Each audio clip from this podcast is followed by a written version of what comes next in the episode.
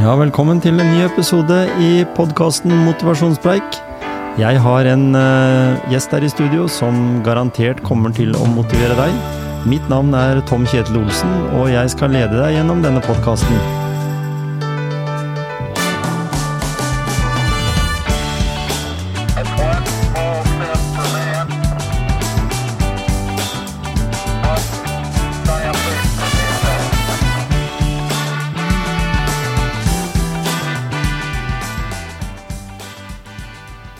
Da må jeg bare si velkommen til motivasjonspreik, eh, Helle Aanesen. Tusen takk. Veldig hyggelig at du kunne bli med vet du, i en uh, podkast som uh, vi jobber med som en slags du, felles dugnad for å motivere folk. Spennende. Kjempespennende. Og, og det du jobber med, det er jo da Aktiv mot kreft? Det er riktig. Det er en liten stiftelse som Grete Waitz og jeg startet opp i slutten av 2007. Mm. Det, da har det sikkert, hvis en tenker fra 2007 fram til da, så har det jo skjedd veldig mye innenfor kreft. Eh, med tanke på både det hvor mye mer vi vet, men fortell litt om eh, Helle, da. Altså det engasjementet du har hatt nå med, med Aktiv mot kreft. Eh, Ligger det noe bak der som gjør at det er et spesielt tema som du brenner for? Som du har via livet ditt til, hvis en kan si det på den måten?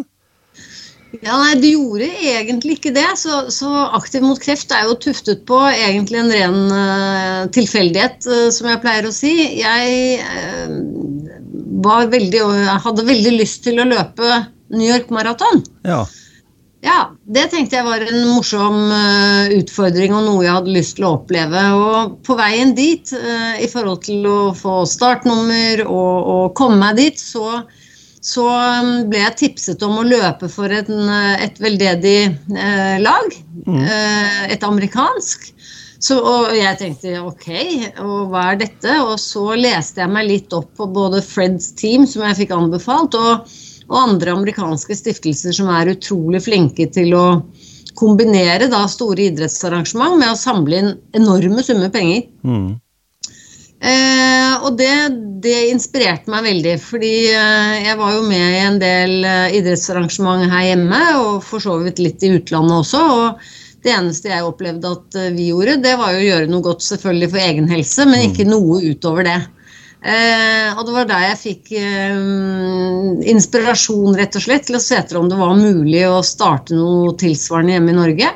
Så når du tenker på at de bare i løpet av New York Marathon hvert år samler inn over 40 millioner dollar mm. til ulike gode formål, så er det klart at eh, her er det jo en del å hente. Ja. Så vet vi også at Eh, det amerikanske samfunnet og det amerikanske helsevesenet det er selvfølgelig helt annerledes bygget opp eh, enn en i Norge, men allikevel. Mm. Jeg tenkte at uh, kanskje er tiden inne til at alle vi som deltar i idrettsarrangement, også har lyst til å bidra til en, til en god sak. Nemlig. Og da, og da, var jeg jo veldig i New York Marathon-modus, og for meg så var jo det den gangen ensbetydende med Grete Waitz. Mm.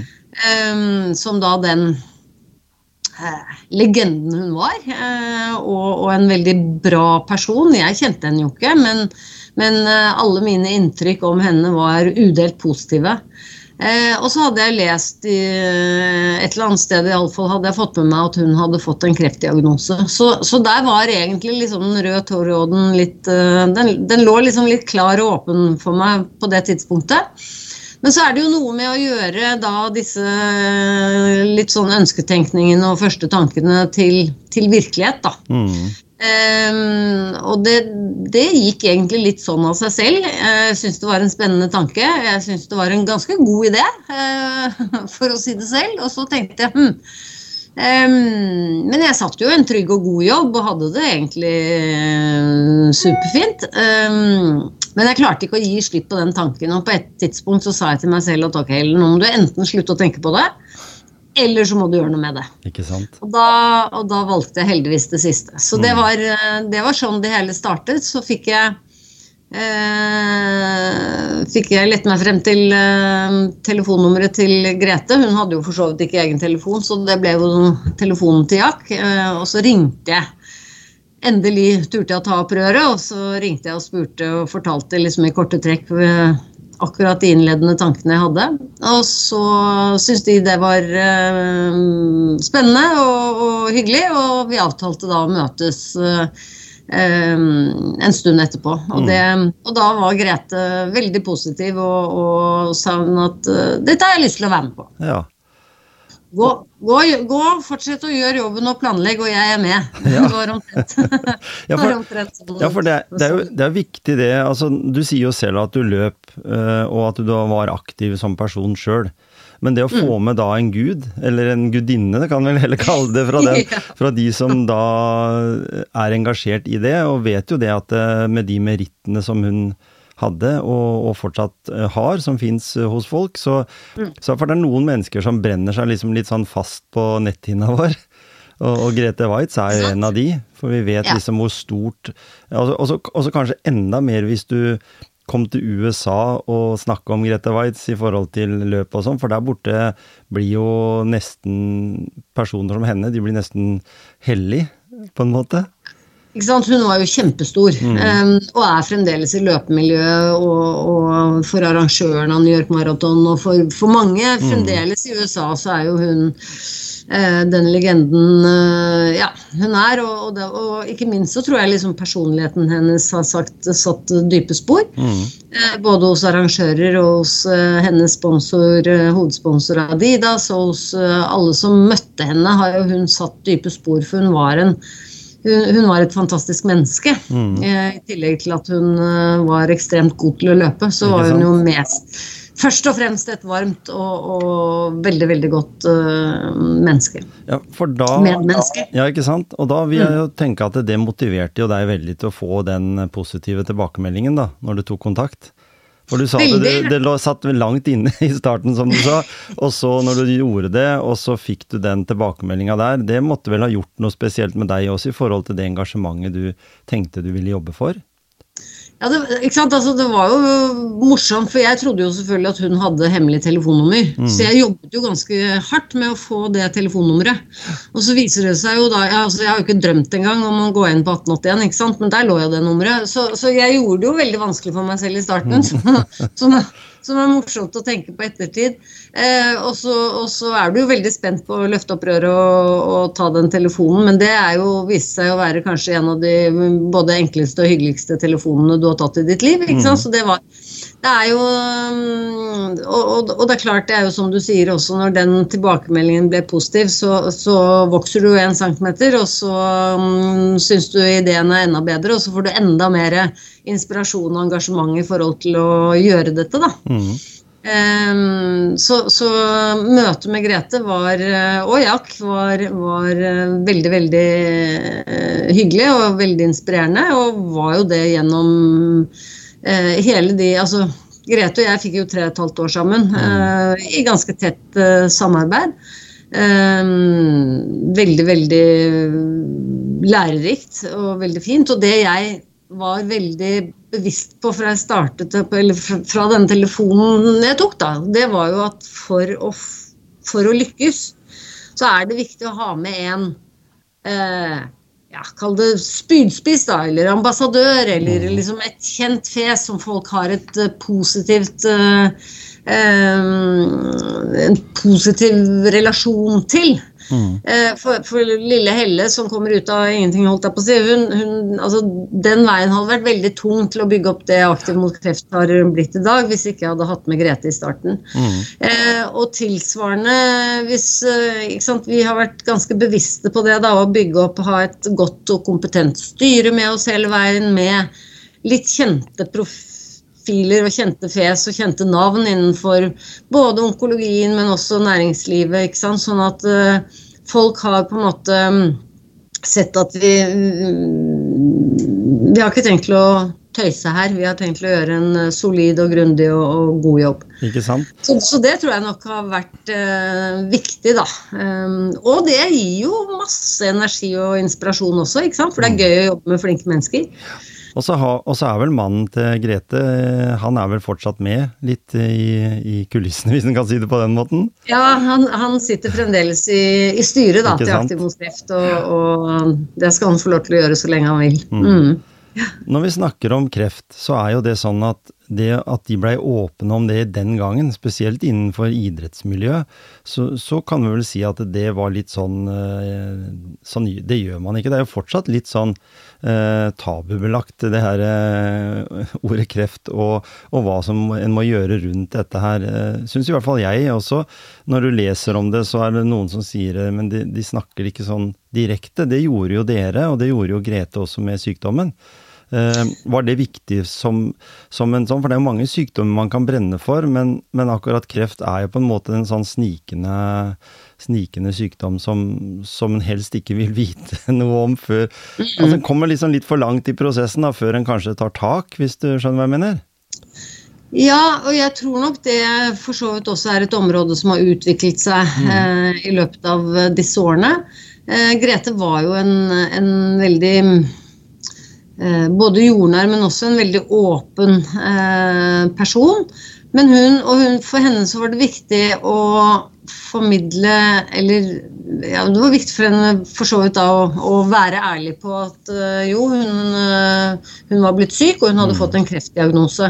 Samtidig så var hun eh, ikke åpen på å dele hva, hva slags type kreft og hvilken kreftdiagnose.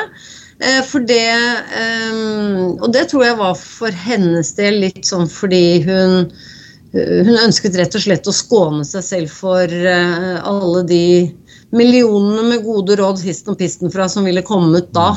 Mm. Det tenker jeg var en sånn selvforsvarsmekanisme som jeg forstår veldig godt. Samtidig så var hun veldig åpen om at hun var blitt syk, og at det var en alvorlig sykdom. Og så eh, var hun jo da, når vi startet Aktiv mot kreft, så var hun jo da også veldig opptatt av å eh, vise at eh, det går an å leve eh, best mulig med en kreftdiagnose og en kreftsykdom, og at fysisk aktivitet er en viktig, en viktig faktor inn i, i, um, i den muligheten da, til, å, til å ha det best mulig. Mm. Vi, vi er jo i Norge, og vi bruker jo mye penger på helsevesenet vårt. Fordi vi har et helsevesen som er veldig trygt og godt for alle. i forhold til, Det er ikke de store løpende kostnadene som sammenligninga med USA f.eks. Eh, hvordan er det å jobbe da med med Aktiv mot kreft eh, som en forebyggende organisasjon? For det, du, du har nevnt et ord som heter prehabilitering. Eh, det er et viktig ord som betyr mye for organisasjonen. Og for den prosessen dere, det dere jobber med. Fortell litt om det. Ja, ja og, og, og um, altså vi var jo veldig eh, Det skal jo sies at da, da vi startet Aktiv mot kreft, så var vi jo ikke krystallklare på hva vi skulle gjøre. Eh, vi visste det Vi visste at vi hadde lyst til å, å samle inn penger. Vi visste at vi hadde lyst til å jobbe med idrettsarrangement for å få det til. Vi visste at vi hadde lyst til å jobbe med næringslivet for å få det til. Eh, men vi søkte jo litt rundt omkring hva skal vi bruke pengene til. Mhm. Eh, men vi falt jo selvfølgelig fort ned på eh, dette med pusterom. Grete hadde jo vært med, det, eller vært med på å bidra til det første pusterommet på Ullevål sykehus, som faktisk så dagens lys før vi etablerte Aktiv mot kreft. Mm. Når det ble, en, når det ble en positiv, eh, et positivt og, og veldig populært tilbud, så tenkte vi at ok, da er det ikke bare Ullevål som skal ha det tilbudet. Da må jo vi forsøke å bredde det ut på alle landets eh, sykehus. Så det, det er jo en av de tingene vi, vi holder på med. Så gikk vi også til legen til Grete og, og spurte om uh, hva står øverst på din ønskeliste, og han sa PET-skanner. Mm. Så det var jo noe helt annet. Det Ja. var jo sant, ny, uh, ny uh, maskin Altså tekniske eh, nye maskiner og nye behandlingsmetoder og diagnostiseringsmetoder sånn sett. Så, så det jobbet vi også for å, å få på plass, og vi fikk jo faktisk på plass den eh, og fikk finansiert den PET-skanneren som i dag står på Ullevål sykehus. Mhm. Eh, Men etter hvert så ble vi veldig mye mer spisset på dette med fysisk aktivitet. Og få trening, altså rett og slett tilpasset trening inn som del av behandlingen. Og, og, og etter hvert, etter noen år, da, så, så satte vi oss ned og laget en, en uh, strategi uh, som var mer tydelig enn den vi uh, definitivt hadde oppi hodet vårt da vi startet. Og, og, og, den visjonen er nå så spisset som jeg tror vi klarer å få den, nemlig at vi ønsker å få persontilpasset trening inn som del av behandlingen fra mm. diagnosetidspunkt. Og da kommer vi til det du egentlig eh, innledet med å spørre med. fra diagnosetidspunkt, da mener vi jo liksom før behandling starter. Mm. Og den perioden er så viktig, fordi det å bygge seg opp fra man har fått en sjokkbeskjed, som det en kreftdiagnose er, det å liksom få hjelp til å bygge kroppen opp, og også det mentale opp, eh, i de to, tre, fire, fem ukene som faktisk finner sted fra du får en diagnose til du begynner behandlingen din. Mm. Det er kjempeviktig. For, for, alternativet kan veldig lett være at du går hjem og setter deg i sofaen og gruer deg og, og syns at dette er de At dette bare er grusomt. Og, og, det er vanskelig, ikke sant? for det er en tøff diagnose å få. Det, det kommer man jo liksom ikke utenom. Men det å på en måte føle at man er i behandling fra dag én, at man blir tatt vare på, at man får et program, at man føler at man bidrar selv til sin egen behandling osv., osv. Det er kjempeviktig. Mm.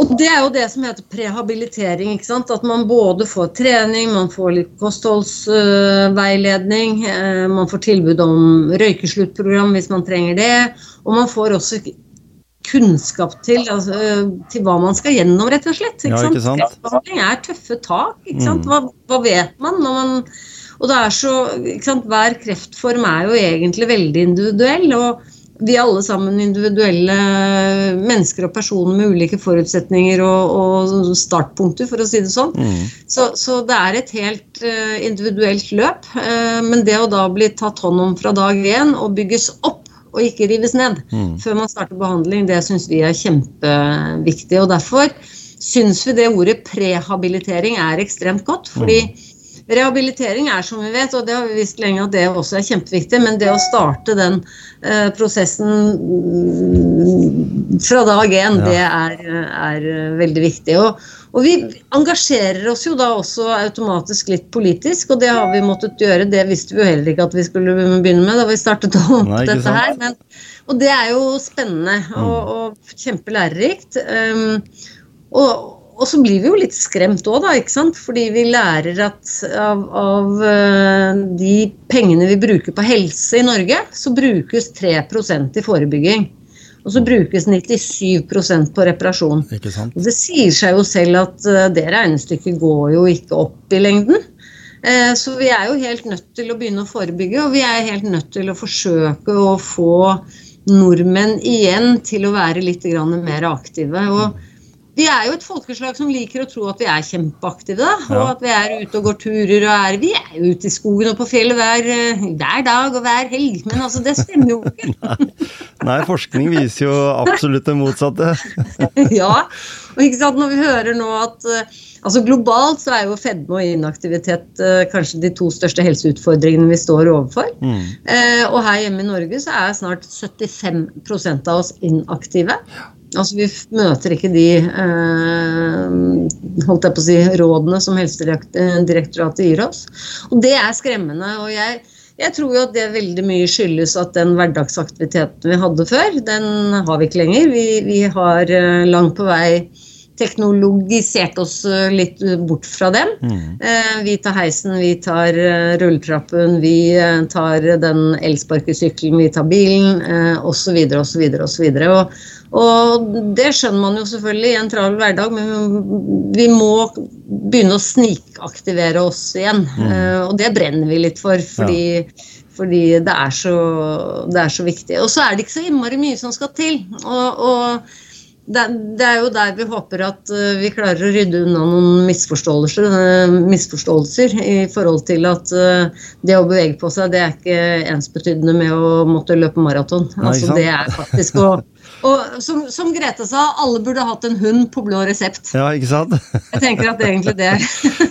det, er, det er nok den beste måten, og det er jo egentlig sånn at vi var jo gjennom en pandemi her, og da kom det jo veldig mye hund. Altså mennesker som aldri hadde hatt hund i hele sitt liv, de, de fikk det i den perioden. Så, så, noen har jo valgt da hunder som de må gå tur med, andre har jo valgt hunder de ikke behøver å gå tur med.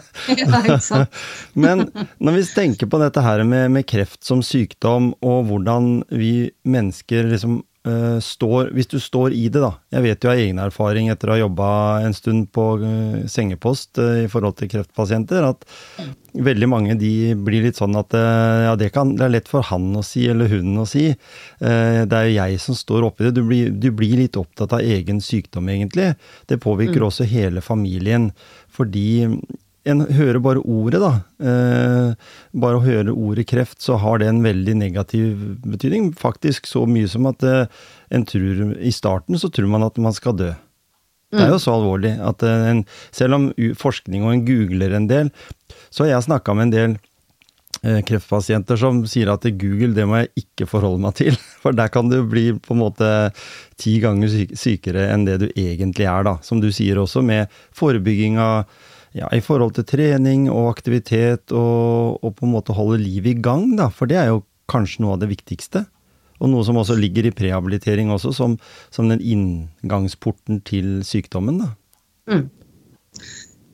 Ja, eh, og, og det har du helt rett i. Jeg sitter jo nå også med, dessverre, eh, egen erfaring på, på, dette feltet. Min mann ble jo alvorlig syk i fjor sommer og har fått en ganske heftig lungekreftdiagnose, så vi har det tett på, tett på kroppen selv eh, nå. Mm. Eh, nå var jo vi eh, holdt jeg på å si, den heldige situasjonen at han var svært godt prehabilitert eh, mm. da dette skjedde. Han var i ekstremt god form. Um, så, så, ikke sant Kreft slår ned uh, der du minst skulle tro den skulle slå ned, og, og man, man, man, vet ikke fra dag til annen, rett og slett. Eh, noen, noen, kreftsykdommer er selvfølgelig livsstilsbetinget, men de aller fleste er jo uflaks, ikke mm. sant. Mm. Eh, og, og Eh, og det er klart at kreft har fremdeles et uh, Altså, det er et skummelt ord for ja. de aller fleste. Og, og, og, det er jo en kjempealvorlig sykdom. Mm. Så er det jo veldig viktig å holde fast ved også at det er uh, kjempefremskritt uh, på gang innenfor kreftforskning, innenfor kreftbehandling, mm. uh, og innenfor hva man også på en måte kan gjøre selv og tilrettelegge for for å ha det best mulig. Og, vi skal jo være veldig glad for at vi bor i, i Norge og har et uh, godt sykehusvesen uh, rundt oss og blir tatt godt vare på. Men man skal jommen meg være ganske oppegående heim også for, ja. å, for å få alt det uh, Å få ja, Eh, å holde styr på alt da, mm, man skal gjennom eh, når man har kommet til den situasjonen. Men det er iallfall godt å vite at for veldig mange kreftformer så er det betydelig større eh, både kurative effekt, og det er veldig mange flere som nå lever med, og lever ganske godt med, Eh, en kreftdiagnose, og, og, mm, det skjer fremskritt på stort sett alle eh, fronter i ganske høyt tempo nå. Mm. Eh, og det gjør det jo også internasjonalt. Så, så mm, Men det er klart, vi, er, vi, har jo ikke knukket denne gåten ennå. og, og jeg ser også og blitt mye mer bevisst på det nå det siste året i forhold til hvor viktig livskvalitet er. da. Mm. Ehm, for, for eh, det å ha en ehm, Å ha fått en eh, alvorlig kreftdiagnose, det eh, betyr jo ikke at livet er slutt. Og det betyr jo at det er veldig viktig å gjøre det beste ut av hver dag. Mm. Og det da å ha ålreit livskvalitet er jo kjempeviktig. Og mm. det så, så, mm, det har ikke blitt mindre viktig for meg for å si det sånn, å, å drive aktivt mot kreft og engasjere meg i, i den jobben vi gjør. For det, det handler definitivt om eh, livskvalitet og opprettholde den. Eh, tilrettelegge for gode tilbud eh, hvor man kan eh, ja, rett og slett lære nye ting som, som kreftpasient. Få eh, nye venner og rett og slett komme i ålreit form, selv om man da har en, en eh, tung diagnose hengende over seg. Mm. Men som kan kureres i mange tilfeller, og som kan leves godt med i flere og flere tilfeller. Og så er det jo da selvfølgelig de tilfellene som, som dessverre har en annen eh, utgang enn det. Og, og, men det er viktig å leve best mulig da også, hele, gjennom hele den perioden. Mm. Og, det, og, det, som du sier, vi er jo inne i en ut, rivende utvikling. Her i eh, Telemark, da, eller i Skien, så er det jo i ferd med De første spadetakene er jo tatt. Det er mm. bare å få på plass økonomien, så vil du jo få et eget senter som blir enda mer utvikla enn det som er i dag. Eh, for å begrense dette her med reising, eh, komme tettere på de menneskene som, som på en måte skal eh, som du, som du skal følge de neste åra, da. Mm. I, I, kortere og lengre tid.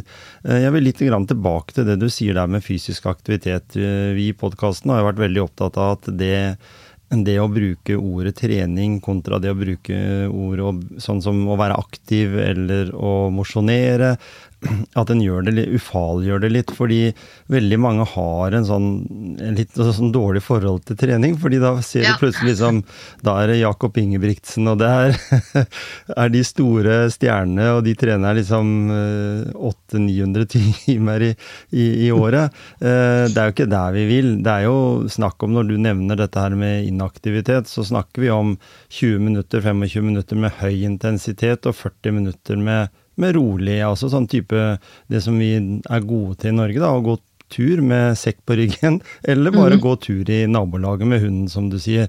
Eh, ja. Kan det være sånn gjennom pusterommet og de aktive eh, menneskene på sykehusene og andre sånn type fysikalske senter og sånn som dere har samarbeid med, eh, er, det en, er det en fortsatt en jobb å gjøre der for å skolere mennesker som for du behøver kanskje ikke å ha høyt skolerte personer til å gå tur? Nei, ikke sant. Det, det har du jo helt rett i. Og, og, bare først en liten sånn digresjon rundt mm. det ordet trening. Vi, vi, har jo Vi forsøker jo faktisk å eh, bruke ordet trening mest mm. mulig. Eh, vi vet at det kan være litt sånn provoserende, men vi forsøker å ufarliggjøre det. For det er jo faktisk ikke noe annet enn fysisk aktivitet satt litt i system. Ikke sant? Eh, og det, det, systemet er jo litt viktig, ikke sant. For det, mm. det å gå tur én gang, det er jo Ja, ja. Det, er, det har eh, ålreit uh, effekt akkurat uh, der og da, men mm. det bedrer jo ikke formen din i noe særlig grad. Nei. Med mindre du repeterer den, ikke sant. Mm. Så, så, det er jo det det handler om. Det å, å på en måte uh, være fysisk aktiv, men da med Eh, repetisjon, sånn at du har som mål da, å enten vedlikeholde den gode formen du har, eller bygge opp en form. Mm. Eh, og da må det repeteres. Eh, så, og, men, men, det er jo som du sier, en treningsøkt f.eks. For, for, en, for en kreftpasient som nylig er behandlet, da, så kan jo det å liksom komme seg fra Eller en gang rundt stuebordet ja. kan jo være en treningsøkt. Ikke sant? Det er bare det at hvis det skjer én gang, så har den ikke så stor effekt. Men hvis den skjer en gang om dagen, og kanskje økes til to neste uke, mm. så er jo det trening. Ja. Sånne, sånne så, små drypp, sånne små drypp, det er jeg helt enig med deg i. fordi det gjør jo at det, eh, når, jeg i hvert fall ser det der jeg jobber, på, på Sykehuset Telemark, så ser jeg jo mange som, som kommer dit til pusterommet, da, som ligger i, i kjelleren på, på, det bygget mm. jeg jobber. Eh, og de, de, ser jo så sinnssykt glad ut når de kommer derfra. Det er helt så det, det er tydelig at de er veldig fornøyd, av det jeg kan se i hvert fall. Mm. Det er jo det, det men det er jo det eh, trening gjør med oss. Mm. Eh, altså, du har aldri hørt om noen som har angret på en treningsøkt. Nei, det er det. Ikke sant? Altså, alle, altså Med mindre man akkurat der og da brakk bein eller noe og hadde et uhell. Men, men, bortsett fra det så har man jo aldri angret på at man har vært ute og, og, og trent eller gjort noe som er bra for kroppen. Fordi det skiller jo ut disse endorfinene som faktisk gjør mye med deg både mentalt og fysisk. Mm. Og, og, det er er det er derfor vi har laget dette konseptet rundt pusterommet, som gjør at sant, dette skal være et godt sted å være. Her skal du liksom virkelig ikke kjenne på at du er på sykehuset. Det er fresh, det er pene lokaler, det er tipp topp treningsutstyr, og du er der sammen med andre i samme situasjon. og det likepersonsarbeidet egentlig som da oppstår på pusterommet, det blir automatisk positivt. Mm. Fordi du er i en positiv altså Det med trening, det får smilet opp. ikke sant? Du trener, det er musikk. Eh, det er fantastiske instruktører, det har vi på alle pusterommene, Skien inkludert, Mm. ikke sant? som får deg inspirert og får deg til å smile. Og du glemmer at du er syk, du tar tak i det friske. Du blir motivert til å gjøre akkurat det som din form og din kropp eh, og din dag på en måte tillater deg. Mm. Og det blir anerkjent som mer enn bra nok. Ikke Ja, ikke sant? sant? Så, så du får den greia, så du får en skikkelig positiv boost. Og dette får vi jo eh, altså så mange tilbakemeldinger eh, om. Så, så eh, Vi ser jo at dette her er ekstremt viktig, både for kropp, men ikke minst også for, for det mentale. Og for det å ha liksom ikke sant? Du skal ha litt sånn der fighting spirit og litt guts for å gå gjennom eh, kreftbehandling. Ikke sant? Ikke sant? Det, er, det er jo tøffe tak. Og det å på en måte eh, være i stand til å, å ja, øh, fighte best mulig, da. Ja, ikke sant? Og, og der vil jeg bare si sånn som min gode venn Gisle Johnsen, da, som du har truffet, du også. Eh, Ja. Så har jo han på en måte vært eh, triatlon, eller han er jo fortsatt en triatlonutøver. Han Ja, har jo hoppa på ski, han har gjort alle de tinga, men allikevel, eh, når han var på de heftigste eh, cellegiftkurene, så laga han i hvert fall allikevel enkle treningsprogrammer på rommet. Altså når han var ikke kunne gå ut av rommet pga. både smitte og, og fare for, for infeksjoner og sånn, så, så hadde en sånne enkle øvelser som vi kjenner med bruk av egen kroppsvekt, eh, pushups, situps, eh, planke, altså sånne enkle øvelser. Eh, Og det gjorde jo veldig mye til at eh, avstanden, når han kunne sette i gang eh, opp imot fullt, så var eh, da var ikke veien så lang. Nei. Og det er kjempeviktig, fordi eh, altså, kreftbehandling er jo Det er tøft for Ja, kroppen. ikke sant? Det er. Eh, og, og den bidrar jo til at eh, at det fysiske forfallet reduseres ganske eh, fort. Men the good news er jo at det kan motvirkes Mm. Ved å gjøre akkurat da som, som eh, Gisle gjorde. ikke sant? Men det, de enkle grepene om å faktisk holde litt ved like. Mm. Eh, og holde seg så, så godt som mulig gjennom eh, behandlingsperioden. Og, og gjøre det man på en måte Det lille man orker, da. Mm. Eh, og det er jo ganske tøft ikke sant? For, en, for en triatlet som Gisle, for en maratonløper som Grete. ikke sant? Altså, henne, da Grete kom seg opp på, på tredemøllen første gang, hun, jo, hun fikk jo beskjed om å gå hjem og legge seg på sofaen. Ja. Det er jo en beskjed som man ofte fikk eh, for en del år siden, og, og håper jeg bank i bordet at det, den perioden er over. Men da hun endelig skjønte eh, at hun kunne faktisk fortsette å være litt fysisk aktiv, så, så gikk hun opp på tredemøllen og hadde jo kjempemestringsfølelse etter å ha gått 50 meter på mølla. Mm. Og det er jo damen som løp uh, maraton på to timer og 20 minutter, ikke sant? Er Så, så det er klart at uh, kreft gjør noe med kroppen, men det, så, så klarte hun å bygge seg gradvis opp igjen fordi at hun skjønte at hun fikk lov til det. Mm. Og, og hun merket jo selv at kroppen responderte veldig veldig godt på det. Og det som er spennende nå videre fremover, er jo eh, alt som forskes på innenfor trening og kreft også, som er veldig spennende. Kanskje er det, eh, kanskje er det faktisk eh, eh, Kanskje kan trening være med å redusere kreften, altså redusere svulstene. Kanskje er det klokt å trene eh, sammen med eh, Eller rett før du får cellegift, eller rett før du får stråling. Det er mange sånne prosjekter på gang nå som skal finne ut rett og slett det. Om, om vi selv kan være med å bedre eh, utfallet av eh, kreftbehandlingen. Så det er jo sånne ting vi syns er ekstremt spennende, og som vi ønsker å bidra til at blir forsket videre på. Mm, for, for det er jo litt sånn med kreftforskningen at den ønsker jo å finne svar fort. For en vet mm. at det berører så mange. Men akkurat det du sier der med, med den, den, utviklingen, da, så, så, er det jo mange der ute som, som, skriver bøker om at jeg ble frisk av trening. Jeg, eh, en, del, en del fastleger annet som går ut og sier at eh, hadde vi hatt bedre tid til pasienten, så kunne vi motivert de så tidlig som mulig liksom, i prosessen. Men, men det blir veldig ofte fokus på sykdommen framfor eh, den, det du kan gjøre føre. da, altså at, mm. Å snakke om eh, det som er problemet. Snakke om livsstilssykdommene, snakke om overvekt, eh, fedme. Eh, at vi vet jo at dette påvirker hjertet vårt, at det påvirker muligheten til å få ulike sykdommer, bl.a. også kreft. Så, så det, det, er jo forska en del på det og kommet fram til at en, en, god del kreftformer, i hvert fall ikke alle, men noen, er det mulig å forebygge gjennom en bedre aktiv hverdag, da. Ja, det er helt riktig. Og det er jo en av grunnene til at vi syns det er ekstremt viktig å bruke mer enn 3 mm. av helsebudsjettet på forebygging. Det skulle, egentlig tallet burde ja, ja, ikke vært helt uh, stikk motsatt, Nei, men, men, men, den 3 burde vært mye, langt høyere. Eh, og det bør komme på plass uh, helt konkrete tiltak for å få det gjort. For av en eller annen grunn så er det vanskelig å bevege befolkningen til å, til å bli mer aktive. Vi er, mm Um, men det er klart det at fastlegene også, altså det, det, er det jo konkrete eksempler på. Vår ene ambassadør Ole Petter Gjelle var jo mm. selv fastlege i Åsgårdstrand og hadde jo et uh, fantastisk prosjekt gående der hvor han rett og slett tok med seg sine pasienter ut og trente dem. Det var jo en kjempesuksess. Mm. Uh, pasientene elsket jo, og det førte til eh, mindre medisinbruk, ikke mm. sant? Og mindre medisinsk behandling sånn sett. Så så at dette her eh, har effekt. Men jeg tror det hele krever at vi rett og slett uh, tenker litt annerledes og, og, organiserer oss litt annerledes i, inn i fremtiden. Mm.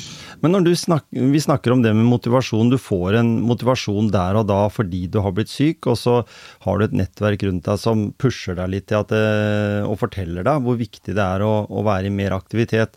Eh, så, så, kommer du gjennom uh, dette løpet. Du uh, er det man kaller frisk, i hvert, fall, i hvert, fall, så frisk at du er ferdig med behandling og kommer hjem. Uh, er det, er det, veldig sjeldent, eller hvordan kan du si, i forhold til den indre motivasjonen man da har fått, da, for vi er jo glad her i motivasjonspreik å snakke om akkurat den indre motivasjonen, for den, mm. den har litt å si med hvordan livet føres videre. For vi er jo mm. litt sånn, vi mennesker, at eh, ja, ja, nå ble jeg frisk, da Så detter vi litt i det samme bak i den samme eh, leksa, eller det, i sofaen, eller, eller, kostholdet vårt, eller noe sånt. Vi, vi, har liksom For vi er jo en enkel sjel, sånn i forhold til mm. hvordan utviklinga hos menneskene har vært. Hjernen vår, den vil jo gjerne fortelle oss at du er skikkelig lat, og det skal du være. Ja. Eh, hvordan er den effekten, tenker du, eller den dere ser i, i forhold til det etter det etterbehandlinga? Ja, altså der har vi jo et politisk ønske. Eh, Vårt politiske mål nummer to. Altså, vi, vi, har to politiske mål da, i mm. Aktiv kreft. og Det første er jo å få henvisning til pusterommet eh, inn i pakkeforløpet fra diagnosetidspunkt. Mm. Det er det første vi håper på, for da blir pusterommet og trening, prehabilitering, da blir det en del av behandlingen. Mm. Det mener vi er uh, viktig, og det mener vi er riktig ressursbruk også, for mm. det kommer til å spare samfunnet i den andre enden. Og det tror vi det andre målet vårt også egentlig vil gjøre, nemlig det at når du blir skrevet ut av spesialisthelsetjenesten, så skal du få ti timer hos en aktiv instruktør på blå resept. Mm. Det tror jeg vil bidra til å opprettholde den motivasjonen, for da mm. Dette er jo en annen ting av det vi holder på med. Vi utdanner da det vi kaller for aktivinstruktører. Ja, det, det, er egentlig trenere og fysioterapeuter uh, som har tatt et uh, tilleggsstudium uh, innenfor trening og kreft, sånn at de er kompetente til å trene folk som har vært gjennom en kreftbehandling. og de finnes jo rundt omkring i hele landet. Mm. liste over dem fins for øvrig på våre hjemmesider aktivmotkreft.no. får man den broen fra på en måte sykehus og spesialisthelsetjenestene hjem, altså fra bro derfra til det normale liv, da, hvor du skal på en måte opprettholde eh, det du forhåpentligvis har lært på sykehuset og på pusterommet, mm. så, så, er det jo veldig eh, fint å kunne starte med å, å få en kickstart på det når du, mm. når du kommer hjem. Eh, og da er jo en trener og en fast avtale noe som eh, bidrar til det. Faste avtaler er jo kjempe, kjempefint og en, en, en, liten forpliktelse, men ikke minst også så vet vi jo at disse menneskene er superflinke til å trene og motivere. Mm. Eh, og så er det klart at så må vi jo holdt jeg på å si, jobbe litt med oss selv i forhold til å finne den motivasjonen. Og da tror jeg jo på dette En av de tingene jeg tror veldig på, er jo å ha noen avtaler. ikke sant? Altså, ja. For det å og på død og liv skulle gjøre alt sammen alene og selv, og det blir mørke høstdager og slaps og sludd og vær og vind, så er det ikke alltid like motiverende å skulle enten gå ut eller eh, eh, ja, eh, stille opp og gjøre den treningen selv. Men det, å finne et fellesskap, da, ikke sant. Eh, eh, om det bare er med en venninne eller venn eller et familiemedlem eller hva vet jeg. Mm. Så tror jeg det er en god idé. Og, eller finne gode eh, treningsfellesskap i nærheten av der du bor, og litt mm. sånn som er tilpasset deg, da. Ja, for, for den, den puster, det pusteromkonseptet eh, Norge er jo et land der eh, Det er mange andre land med avstander også, men hvis du tenker på sånn som hvor stor forskjell det er egentlig med tilgang på tilbud, da, enten du bor sånn som for oss i Telemark, så har du Drangedal, Flatdal, du har Hjartdal. Det er mange sånne små samfunn, da. Og Noragutu. I Noragutu, ikke sant. Men de har jo et pusterom, så det er jo helt ja, fantastisk. Ja, ja, det det. eh, noen sånne basestasjoner som en kunne gjort, og du sier jo den har jo avtale med eh, at, at den skulle hatt uh, trening på blå resept. Det vet jeg Ole Petter Gjelle har snakka mye om i mange, mange år. Men det går liksom ikke helt inn i det politiske samfunnet, fordi det virker som det sitter ekstremt langt inne. Tenk på, tenk på da et sånt lite sted som Noragutu, da som mm. har et sånn flott uh, senter der oppe som de kunne brukt enda mer egentlig til mm. også lokalbefolkningen. fordi det er jo litt avstand å flytte seg fra f.eks. hvis du er kreftsyk og du skal opp dit uh, Hvis du bor i Kragerø, da, så er det to og en halv times kjøring på ganske sånn svingete liten vei. Så, mm. så at en kan implementere det litt i de små miljøer, sånn at det, om det kanskje bare på den plassen er 200 innbyggere, da, eller, eller bare 80 innbyggere, og så har liksom Hvis du tenker sånn prosentvis hvor mange som får kreft, så er det jo faktisk da en åtte-ti personer i den bygda som blir eh, innblanda i, i den, syk, et sånt mm. sykdomsløp. Ja. ja, og det har du helt rett i. Og um, jeg nevnte jo Nora Gutu, for der har vi jo uh, laget et uh, pustrom som på en måte uh, er en, en, filial da, mm. til, til sykehuset i, i, Telemark, i Skien. Sånn at der har vi på en måte fått breddet ut tilbudet. Men det er klart, det er jo som du sier, det er jo mange andre steder som hvor man bor, hvor det er altfor langt å, å, dra til et pusterom. Og det, det, vi har forsøkt å gjøre for å liksom ja, knappe inn den distansen, det er jo dette med aktive instruktører. At vi mm. nå har faktisk 750 aktive instruktører rundt omkring i, altså som har den utdannelsen da, rundt omkring i Norge. Og det fortsetter vi jo bare med. Vi utdanner i underkant av 100 aktive instruktører i året. Mm. Eh, så, så, der har vi tenkt til å liksom fortsette å, å, um, utdanne dem. I tillegg så har jo pandemien eh, lært oss både podkaster og andre digitale mm. verktøy. Og, og, vi har jo etablert pusterommet live. Mm. Eh, for det pusterommene ble jo stengt under pandemien, og, og som en følge av det så, så lærte vi det. Men vi lærte jo veldig fort også at eh, distansene i Norge er kjempestore. Mm. Eh, og i Nord-Norge spesielt, sant, hvor vi nå endelig har klart å, å etablere et pusterom i, i, Tromsø. Men det er klart, eh, distansene der oppe, der syns jo de at 500 km er ganske kort. men det er det jo ikke for Nei. en treningsøkt. Så, så, det å kunne delta på live treningsøkter, mm. eller live pusteromsøkter, er jo da et tilbud som vi har um, startet under pandemien, men som vi har videreført. Mm. Så det, de ligger der. Også veldig, bra at, også veldig bra at det er jo gratis, eller sånn i hvert fall ut ifra det ja. tilbudet du får, så kan du få tilgang på ganske eh, veldig dyktige instruktører og andre mennesker som, som, vet hva dette her går ut på. Og så, mm. Som du sa i stad, tilrettelegge for at de skal få et opplegg som passer de. Ja, mm. ikke sant. Mm.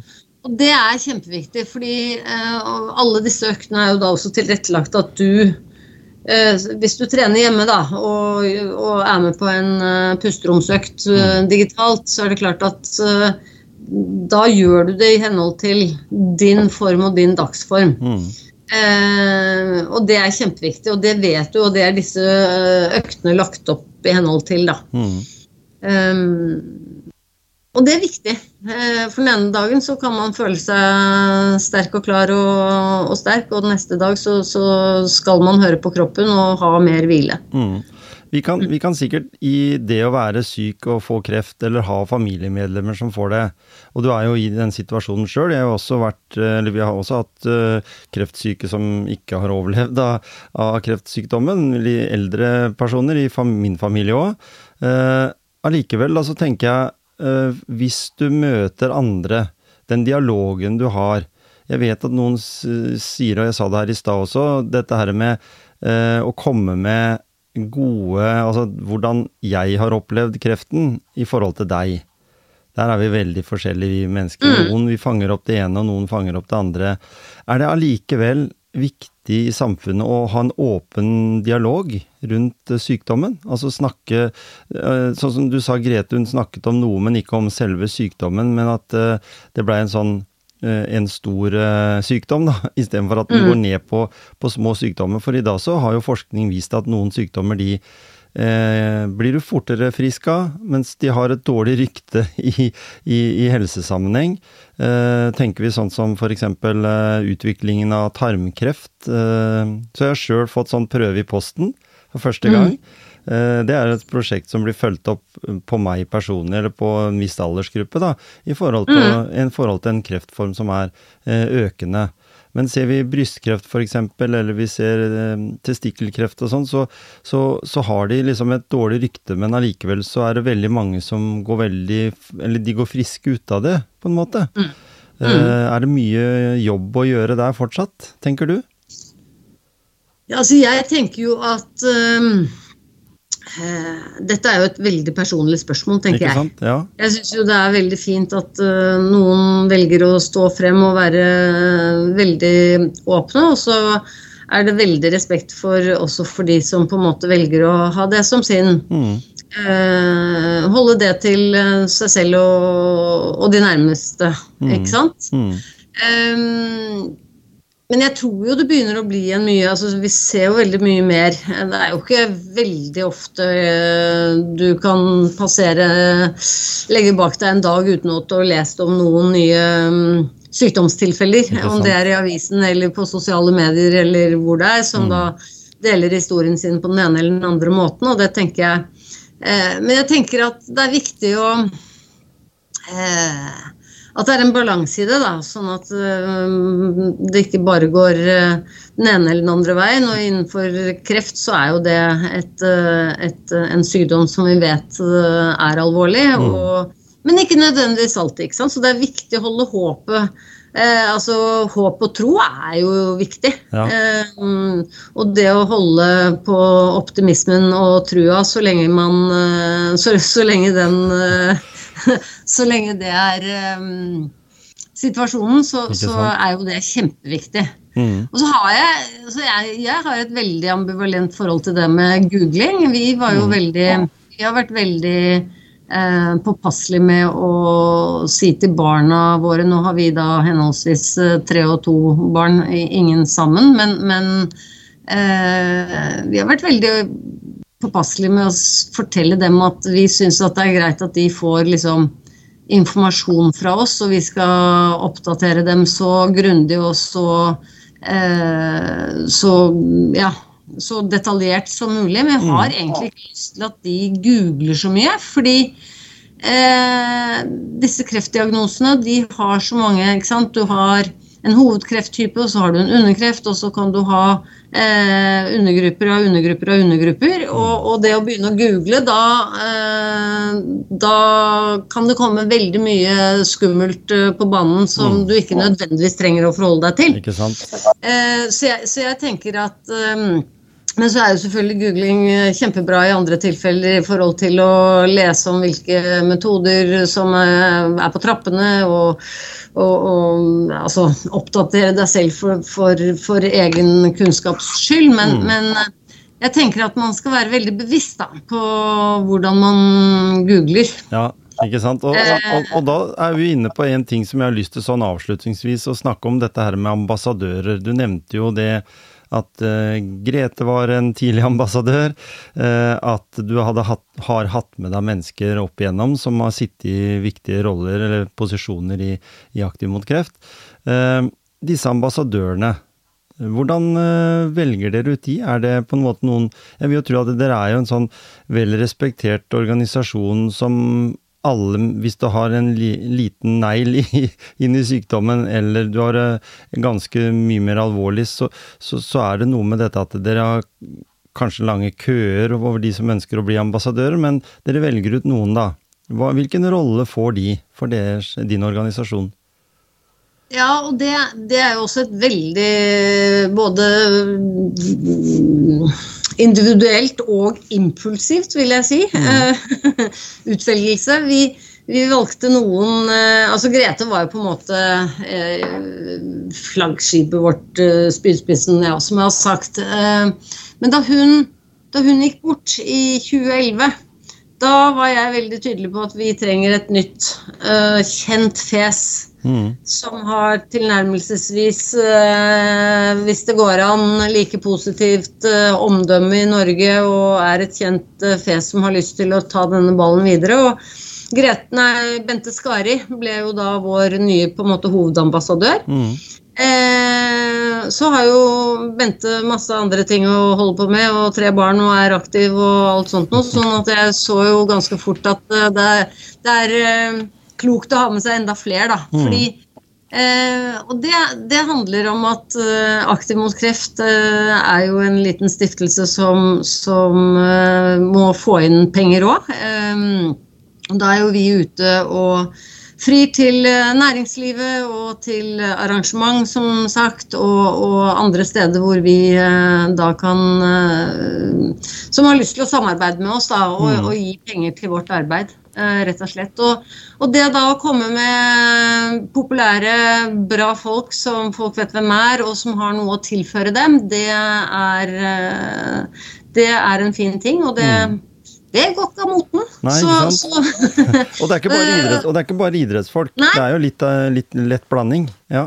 Det er, en, det er, en, lett blanding. De mm. fleste jo, har jo hatt et eller annet med idrett å gjøre. Og vi bruker dem på en måte på eh, veldig ulikt eh, vis, egentlig. Mm. Noen er kjempeflinke til å holde foredrag, motivasjonsforedrag.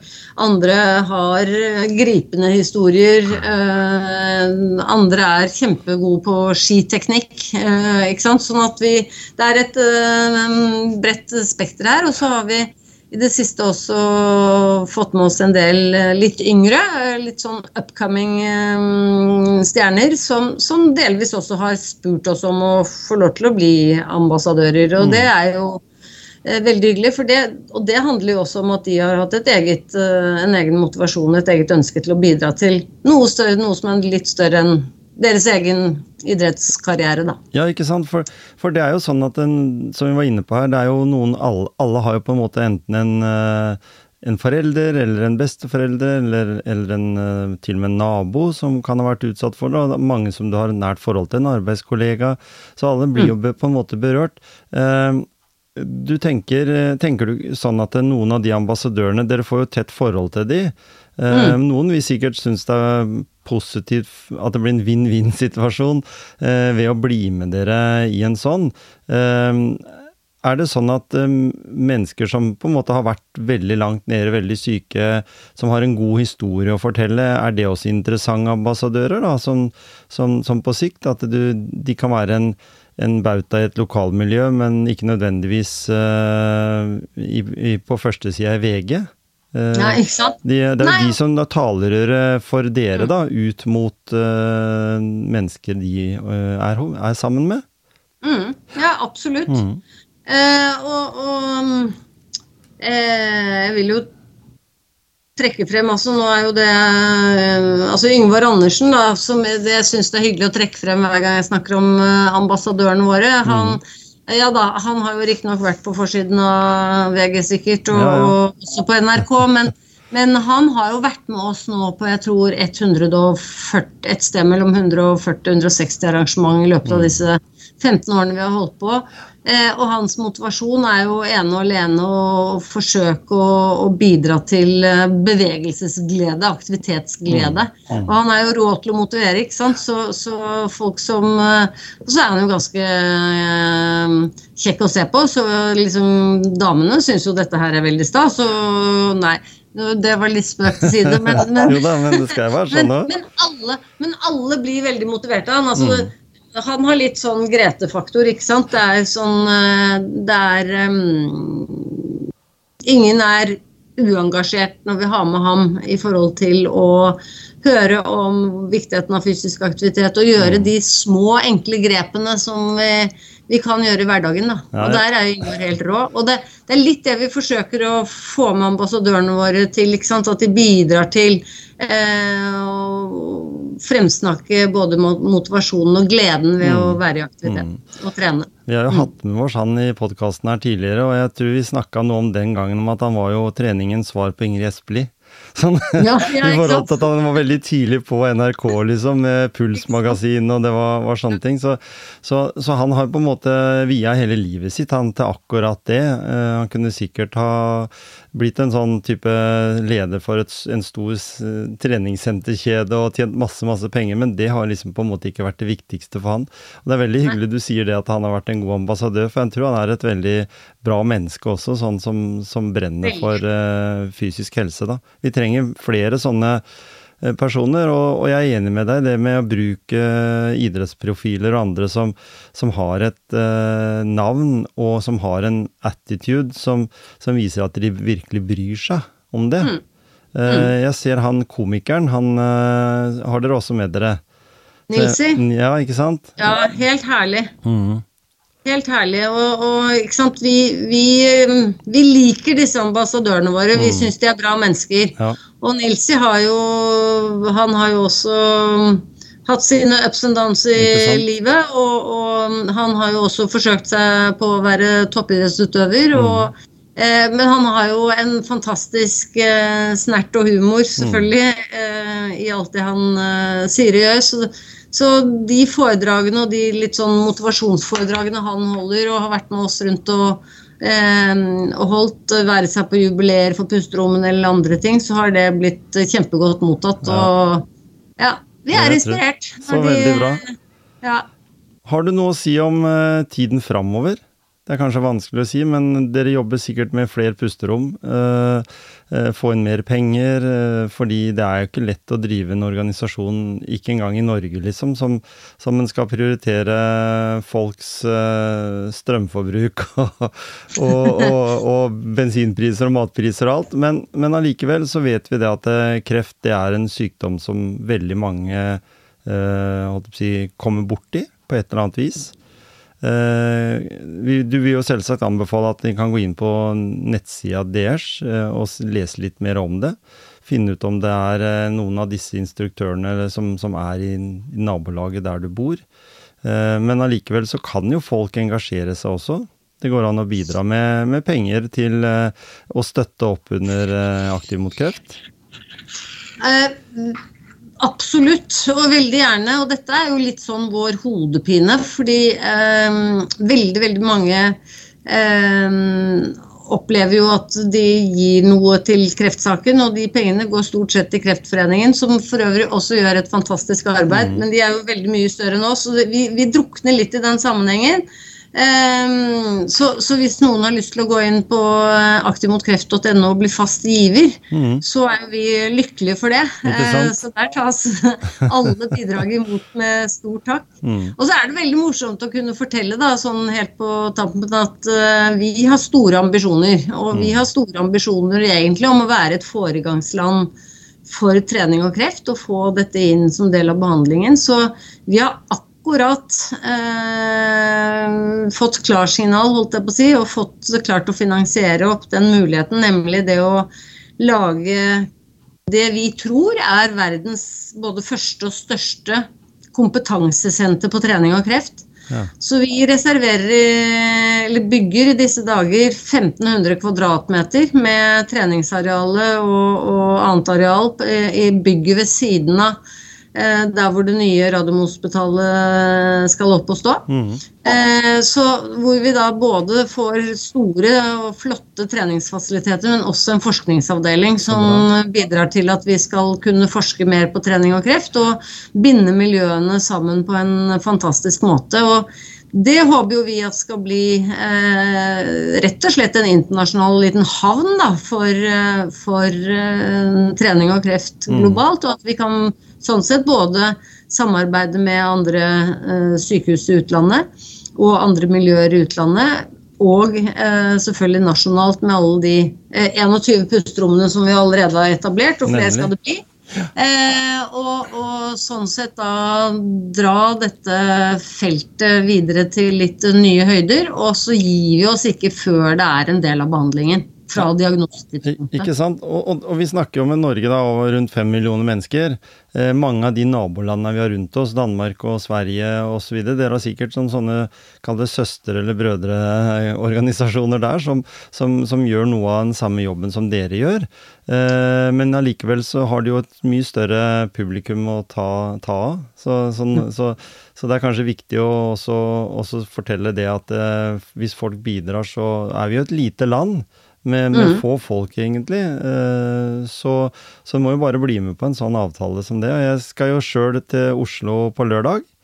Da er det Oslo Jepp, Og det er jo er ikke akkurat New York det er ikke, ja, ikke sant? Det er ikke akkurat på New York Maraton, men det er nesten den beste vi kan få til i Norge, er det ikke det?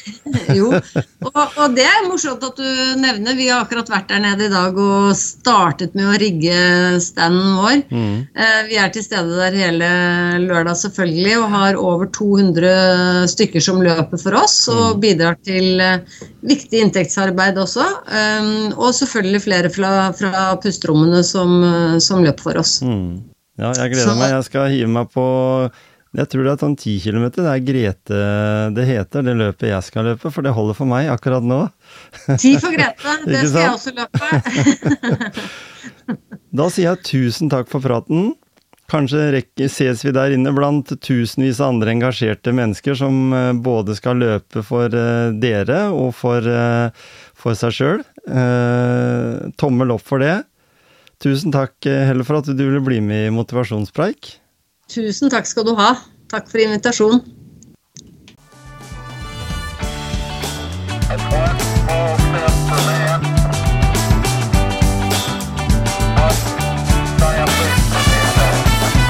Takk for at du lytter på podkasten Motivasjonspreik. En ny episode er over, men en ny episode kommer igjen om en uke. Takk for meg.